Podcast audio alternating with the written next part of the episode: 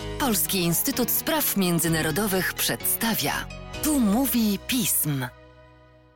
Dzień dobry Państwu. Tu mówi pisma przy mikrofonie Mateusz Józwiak. Dzisiaj w naszym studiach gościmy analityka oraz eksperta Polskiego Instytutu Spraw Międzynarodowych do spraw Niemiec, Łukasza Jasińskiego. Cześć Łukaszu. Cześć Mateusz. Spotykamy się dzisiaj, ponieważ wczoraj, 14 czerwca, rząd kanclerza Scholza opublikował Narodową Strategię Bezpieczeństwa. Nie białą księgę, jak dotychczas, ale strategię określającą priorytety niemieckiej polityki w obszarach związanych nie tylko z bezpieczeństwem, ale też przecież z polityką zagraniczną. Dzisiaj w ramach naszego nagrania zastanowimy się nad tym, czy to jest dokument rewolucyjny, czy jest w stanie wiele zmienić e, w podejściu niemieckim do kwestii obronności i bezpieczeństwa. I cóż, zdaję sobie sprawę, że w ramach zapowiedzi padło już kilka pytań, jednak liczę, że odpowiemy na nie, powiedzmy, między wierszami e, naszego dzisiejszego podcastu. Proponuję jednak zacząć od samych podstaw. Dlaczego powstała Narodowa Strategia Bezpieczeństwa? Jak wyglądał całościowo proces jej przygotowania? Zacznę od tego, że w historii RFN, jak do tej pory, takiego dokumentu nie było. No może być zapewne dla wielu naszych słuchaczy zaskoczeniem.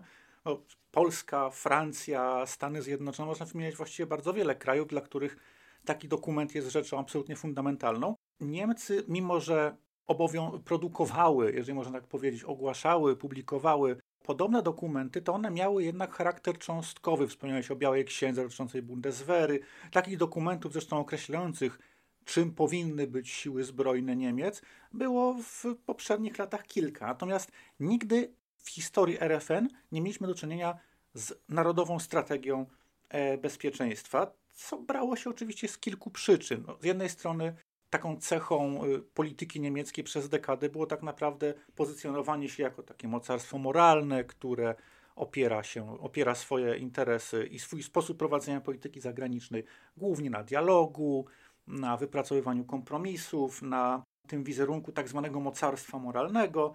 Do tego oczywiście, jeżeli mówimy o interesach globalnych, Niemcy w zasadzie do tej pory nie pozycjonowały się jako państwo posiadające globalne interesy, z wyjątkiem gospodarki.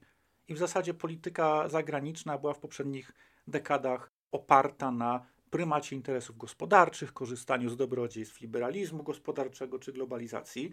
Krótko mówiąc, takim podstawowym założeniem niemieckiej polityki było właściwie takie konserwowanie status quo, stwierdzenia, że obecny stan rzeczy jest dobry i należy go podtrzymywać. Do tego oczywiście brak takiej strategii w pewnym stopniu obciąża poprzedni rząd, czyli rząd, właściwie rządy kanclerz Angeli Merkel, która była znana z przeczekiwania wielu problemów czy, y, z, czy, czy, czy wielu kwestii, które mogłyby okazać się w jakiś sposób problematyczne. Tak naprawdę o Narodowej Strategii Bezpieczeństwa, o tym, że taki dokument jest niezbędny, można było już przeczytać pod koniec 2021 roku w umowie koalicyjnej czy obecnego rządu, czyli w umowie zawartej przez socjaldemokratów, zielonych i liberałów y, z FDP. Co ciekawe, wówczas to wspomniano, że taki dokument zostanie przygotowany w pierwszym roku funkcjonowania nowego rządu. Czyli mamy do czynienia już na starcie z ponad półrocznym, jak łatwo policzyć, e, opóźnieniem. Jak wyglądał cały proces przygotowywania tego dokumentu i skąd się to opóźnienie wzięło? Tutaj trzeba powiedzieć, że Niemcy ze względu na brak wcześniejszych takich dokumentów w zasadzie nie dysponowały konkretnym e, know-how, jak taki dokument przygotować.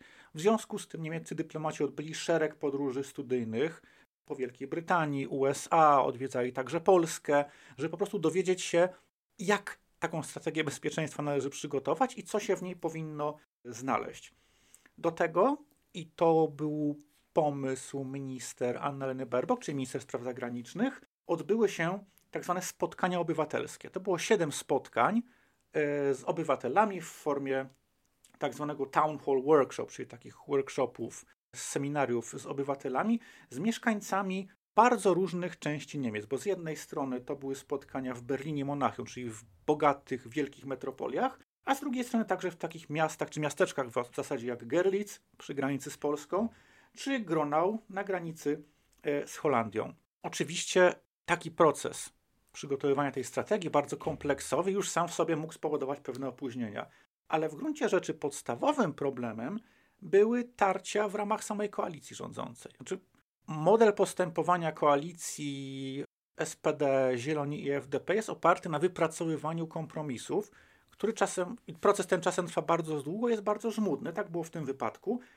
Taką jedną z kwestii spornych było powołanie do życia Narodowej Rady Bezpieczeństwa, czyli takiego organu, który miał docelowo zarówno koordynować politykę zagraniczną i bezpieczeństwa Niemiec, jak i zarządzać y, w sytuacjach kryzysowych, czyli być odpowiedzialny za zarządzanie kryzysowe. Natomiast kością niezgody była kwestia umiejscowienia owej Narodowej Rady Bezpieczeństwa. Czy miała być ona podporządkowana, czy w jakiś sposób być częścią MSZ-u, czy też być częścią Urzędu Kanclerskiego. I te konflikty były na tyle silne, że ostatecznie zrezygnowano z powołania takiego organu i Niemcy Narodowej Rady Bezpieczeństwa mieć nie będą. Do tego także y, wiadomo z takich enuncjacji prasowych, iż na przykład pani minister Annalena Baerbock zaprezentowała pierwszy projekt, który zawierał dość y, takie stanowcze stanowisko wobec Chin, co z kolei zostało źle odebrane przez kanclerza Scholza i część socjaldemokratów, więc to musiało być rzecz jasna złagodzone. Dodam tylko, że pierwotnie mówiono, iż strategia ta miała być Narodowa Strategia Bezpieczeństwa, miała być zaprezentowana w lutym tego roku w czasie Munich Security Conference. Potem kilkukrotnie ten termin przesuwano. Ostatecznie dokumentem został ogłoszony i opublikowany 14, 14 e, czerwca. Łukaszu, ale co znajduje się w tym dokumencie? Jakie są jego główne założenia? Czy mocno odbiegają od realizowanych w ostatnim roku działań ze strony Niemiec w kwestii obronności i bezpieczeństwa? To jest dokument liczący około 70 stron i w gruncie rzeczy, jak często bywa taki, z takimi dokumentami programowymi czy kierunkowymi, e, dość ogólnikowy. Zacznijmy może od podstaw. E, to, co Niemcy uznają za taki kamień węgielny i fundament swojego bezpieczeństwa, a także bezpieczeństwa Europy, to jest Unia Europejska i tutaj podkreślona jest konieczność reformy Unii w miarę możliwości także pogłębienia integracji europejskiej, a także co pewnie z polskiego punktu widzenia jest szczególnie istotne, NATO i jak najlepsze więzi transatlantyckie ze Stanami Zjednoczonymi. Jeśli chodzi o Chiny, o których wspomniałem, y, tutaj planowane jest przygotowanie, będzie to zapewne wyjątek, w przyszłości, jeszcze w tym roku, osobnego dokumentu, czyli niemieckiej strategii wobec Chin. Natomiast w Narodowej Strategii Bezpieczeństwa ograniczono się do stwierdzenia, iż Chiny są partnerem, konkurentem i rywalem systemowym. To jest pewna triada. I ta triada partner, konkurent, rywal systemowy jest tak naprawdę powtórzeniem stanowiska chociażby Komisji Europejskiej. To powtórzeniem e, dosłownym. Krótko mówiąc, jest to takie założenie, że z Chinami należy prowadzić interesy. Nie jest możliwy już w tym momencie decoupling, czyli odcięcie się od gospodarcze od Chin. E, natomiast oczywiście jest to też państwo, które może e, Europie i światu zachodniemu zagrażać. Szczegóły zapewne poznamy dopiero w tym następnym dokumencie e, tej strategii Niemiec wobec Chin, o której już wspomniałem. I również to będzie warto omówić. Łukaszu, a jak w dokumencie jest opisywane stanowisko względem Rosji?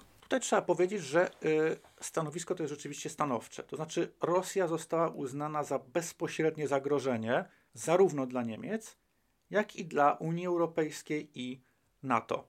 Wprost zapisano tam, iż w przewidywalnej przyszłości no, nie ma możliwości powrotu do normalnych relacji e, z Rosją. Rosja pozostaje zagrożeniem. E, co bardzo też ważne, i Niemcy, i całe NATO musi być przygotowane po prostu do obrony swojego terytorium przed ewentualną rosyjską agresją, która może mieć bardzo różne formy. Bo tutaj przechodzimy do e, kolejnych szczegółów. Narodowa strategia bezpieczeństwa nie skupia się tylko i wyłącznie na E, Bundeswehrze, na tej sferze takiej stricte militarnej, ale podkreśla, że bezpieczeństwo jest w gruncie rzeczy bardzo szeroką kategorią, bo mówimy tutaj także o bezpieczeństwie surowcowym, czyli chociażby kwestii uniezależniania się od rosyjskich surowców, zwłaszcza gazu, co Niemcy właśnie teraz robią, budując i, otwierając kolejne terminale LNG, ale także kwestie dezinformacji, cyberbezpieczeństwa, a przecież wiadomo, że Rosja już od lat prowadzi tak naprawdę w tej domenie no, taką agresję hybrydową przeciwko Niemcom i w ogóle całemu światu zachodniemu, ale także chociażby jest to kwestia bezpieczeństwa y, dostępu leków. Znaczy, Annalena Baerbock wczoraj stwierdziła, że bezpieczeństwo to jest zarówno kwestia obrony własnego terytorium, jak i tego, żeby na przykład mieszkańcy Niemiec mogli w swobodny, bezpieczny sposób y, kupować w aptekach leki, których potrzebują. No to też jest pewna nauczka z pandemii, kiedy pamiętamy, nagle okazało się, że w Europie praktycznie nie produkuje się maseczek ochronnych czy y, respiratorów. Jeśli chodzi o to podejście zintegrowane, duży nacisk kładzie się także na kwestie pomocy rozwojowej dla krajów trzeciego świata, zabezpieczenia ich zwłaszcza przed klęską głodu, na kwestię dalszej ochrony klimatu, bo katastrofę klimatyczną także uznaje się za jedno z zagrożeń, no, które rośnie niejako na naszych e, oczach.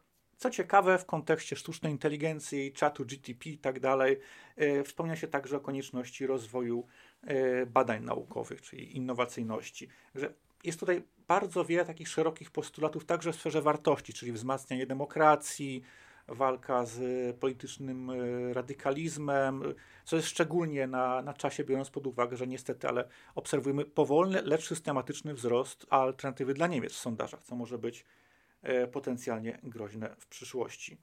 Pozostaje więc zapytać już jako niejako podsumowanie i drobną perspektywę na najbliższe e, tygodnie, jak będzie wyglądało stanowisko Niemiec przed szczytem w Wilnie? Czy możemy się spodziewać E, czegoś niezwykłego ze strony Berlina? Wracając jeszcze na chwilę do strategii bezpieczeństwa, bo tam akurat NATO jest y, dość szeroko opisane. Co ważne i co należy podkreślić i przypomnieć, niezależnie od wszelkiego rodzaju napięć politycznych między Niemcami a Polską, czy Niemcami a innymi krajami wschodniej flanki NATO, no to jest nasz sojusznik i partner w ramach, w ramach, y, y, w ramach NATO. Podkreślono bardzo mocno, że priorytetem dla NATO musi być to, do czego NATO pierwotnie było powołane, czyli po prostu obrona każdego centymetra terytorium sojuszu. No dobrze, ale czy to się też wiąże ze zwiększeniem wydatków e, na obronność? Mówimy tutaj o tych 2% PKB, o których mówił kanclerz Scholz, ale czy to jest coś stałego, czy raczej tymczasowo związane ze wzmacnianiem doraźnym aspektów bezpieczeństwa? No właśnie. Y, jak zwykle diabeł tkwi w szczegółach. W samej strategii też parokrotnie pojawia się owo zobowiązanie wydawania 2% PKB, z tym, że y, ono się pojawia w tym samym zdaniu, y, w którym wspomina się o specjalnym funduszu w wysokości 100 miliardów euro, który został przyjęty w zeszłym roku y, w celu doposażenia Bundeswehry, która jak wiadomo znajduje się w bardzo kiepskiej kondycji. Mm, I teraz potencjalny problem polega na tym, że te 2% PKB najprawdopodobniej będą coroczne wydatki budżetowe plus pieniądze pochodzące z tego funduszu. E, oczywiście doraźnie z pewnością pomoże to e, Bundeswehr, zresztą już mieliśmy do czynienia z pierwszymi kontraktami zbrojeniowymi, natomiast otwarte pozostaje pytanie, co będzie dalej, co za kilka lat, kiedy ten fundusz po prostu się e, wyczerpie. I tutaj no, nie ma na to pytanie żadnej odpowiedzi. Cynicznie można powiedzieć, że być może kanclerz Scholz założył, że kiedy pieniądze z tego funduszu się wyczerpią, prawdopodobnie w Niemczech wtedy będzie rządziła już trochę inna konstelacja polityczna, niech następcy wtedy się bardziej e, tym martwią. Natomiast jeśli chodzi o NATO i szczyt w Wilnie, no zacznijmy od tego, że Niemcy, Bundeswehra jest obecna właśnie na Litwie w ramach batalionowych grup bojowych, w ramach misji NATO i to jako państwo ramowe. W dodatku Niemcy zobowiązały się, o, to jeszcze, jeszcze sporo przed szczytem, do zwiększenia swojej obecności mniej więcej do poziomu brygady, z tym, że y, znowu większość tych sił ma stacjonować cały czas w Niemczech, być gotowa do szybkiego, y, szybkiego przerzutu. Tłumaczy się to brakami infrastruktury, tym, że konieczne byłoby budowanie nowych koszar, żłobków i tak dalej, gdyby chcieć całą brygadę przemieścić na stałe y, na Litwę. W 2025 roku Niemcy mają w dodatku do dyspozycji NATO przygotować całkiem nową, w pełni wyposażoną dywizję. I tutaj jest to kwestia, która znowu może być problematyczna. Może się okazać, że Niemcy taką dywizję wystawią, ale z kolei kosztem osłabienia innych jednostek. E, więc te deklaracje, te deklaracje są tak naprawdę dopiero wstępem. I prawdziwe wyzwanie przed e, niemiecką armią, niemieckim społeczeństwem no, jeszcze jest, e, jest otwarte. Jeśli chodzi o szczyt w Wilnie, Niemcy tutaj raczej są powściągliwe. To znaczy, nie należy się spodziewać, że poprą jakikolwiek postulat szybkiego przyjęcia Ukrainy do NATO, czy w ogóle przyjęcia Ukrainy do, do NATO w realnej przyszłości, raczej będą się opowiadały za pracami nad gwarancjami bezpieczeństwa, udzieleniem temu państwu gwarancji bezpieczeństwa przez kilka innych państw. Stany Zjednoczone, Francję, także Niemcy być może. Ponadto Niemcy opowiadają się w dalszym ciągu za utrzymaniem aktu stanowiącego NATO-Rosja w mocy. Przypomnijmy, to jest taki dokument sprzed wejścia Polski, Czech i Węgier do NATO, gdzie określono, że sojusz nie będzie utrzymywał ani tworzył żadnych stałych instalacji, baz itd. Tak na terytorium owych, e, owych tak zwanych nowych państw członkowskich e, NATO. Oczywiście Rosja pogwałciła wszystkie zapisy tego traktatu i on, czy tego aktu stanowiącego, i ten dokument de facto jest martwy. Natomiast Niemcy opowiadają się przeciwko takiemu symbolicznemu wypowiedzeniu go, e, argumentując to w ten sposób, że to by dało paliwo rosyjskiej propagandzie, a z drugiej strony wydaje się, że tak naprawdę chciałyby też, żeby Rada NATO-Rosja, która teoretycznie też cały czas jeszcze funkcjonuje, chociaż w praktyce jest od początku 2022 roku tworem martwym, żeby mogła pozostać w razie czego jakimś kolejnym kanałem komunikacji czy dialogu e, z Rosją. No dodam zresztą, że jeśli chodzi o te kwestie propagandy rosyjskiej, to to pokazuje w dalszym ciągu takie dość reaktywne i powiedziałbym defensywne nastawienie kanclerza Scholza, no bo w moim przekonaniu nie ma większego powodu, żeby Zachód przy, przejmował się aż tak bardzo tezami rosyjskiej propagandy. Przypomnijmy, że to jest propaganda, która co pewien czas głosi konieczność dokonania jakiegoś ataku rakietowego na któryś z państw zachodniej Europy, prawda? Więc tutaj niezależnie od tego, czy Niemcy się opowiedzą za wypowiedzeniem y, aktu stanowiącego NATO-Rosja, czy też nie, i tak mogą sta stać kolejnym celem rosyjskiej, y, rosyjskiej propagandy. Krótko mówiąc, to jest, y, znaczy stanowisko Niemiec jest stanowiskiem raczej ostrożnym i ono się wpisuje w metodę polityczną kanclerza Scholza, czyli metodę małych kroczków, postępowania krok po kroku. No, pytanie tylko, czy taka metoda w czasach tak niestabilnych jak obecnie nie będzie, nie okaże się przeciwskuteczna w dłuższej perspektywie. Ale na pewno samo opublikowanie Narodowej Strategii Bezpieczeństwa pokazuje, że Niemcy zaczynają zmieniać także swój sposób myślenia, a jak wiadomo, sposób myślenia to jest rzecz, którą zmienić jest zdecydowanie najtrudniej. Powiem, podam tylko może Państwu taki przykład na koniec. Y, akurat teraz, kiedy rozmawiamy, odbywają się w Niemczech wielkie ćwiczenia NATO Air Defender, to są ćwiczenia wojsk powietrznych, y, które oczywiście wiążą się z pewnymi utrudnieniami dla cywilnego ruchu lotniczego co było bardzo często podnoszone w niemieckiej prasie, ponieważ akurat zbiegają się one z początkiem sezonu urlopowego. Da? I nagle okazuje się, że dla dużej części społeczeństwa, dużej części urlopowiczów, spokojne dotarcie do ciepłych y, krajów na urlop jest ważniejsze niż y, przygotowywanie kraju y, i pracę nad, nad, jego, nad jego większym bezpieczeństwem. Czyli tutaj bardzo dużo pracy należy włożyć nie tyle w przygotowywanie samych aktów prawnych, strategii, dokumentów programowych itd., tak co w zmianę sposobu myślenia, a to niestety jeszcze trochę zapewne potrwa. Szanowni Państwo, o tym, czy metoda małych kroczków nie okaże się zakładaniem plastra na ranę otwartą, o tym, czy społeczeństwo niemieckie będzie w stanie przedstawić się w nową rzeczywistość narzuconą przez Rosję na całą Europę, a być może i na cały świat po 24 lutego 2022 roku, i cóż, o innych rzeczach związanych z Niemcami przyjdzie nam jeszcze porozmawiać z Łukaszem, a tymczasem bardzo serdecznie chciałbym podziękować Ci za dzisiejsze nagranie. Bardzo dziękuję. A Państwa zachęcić do śledzenia naszej strony internetowej, czytania najnowszych biletonów i komentarzy, śledzenia mediów społecznościowych, w tym naszego kanału na YouTube, na którym możecie Państwo zobaczyć e, w najbliższym czasie zapowiedzi polskiego przeglądu dyplomatycznego, a także e, publikacje naszych nowych książek bardzo serdecznie zapraszam, dziękuję za uwagę i do usłyszenia.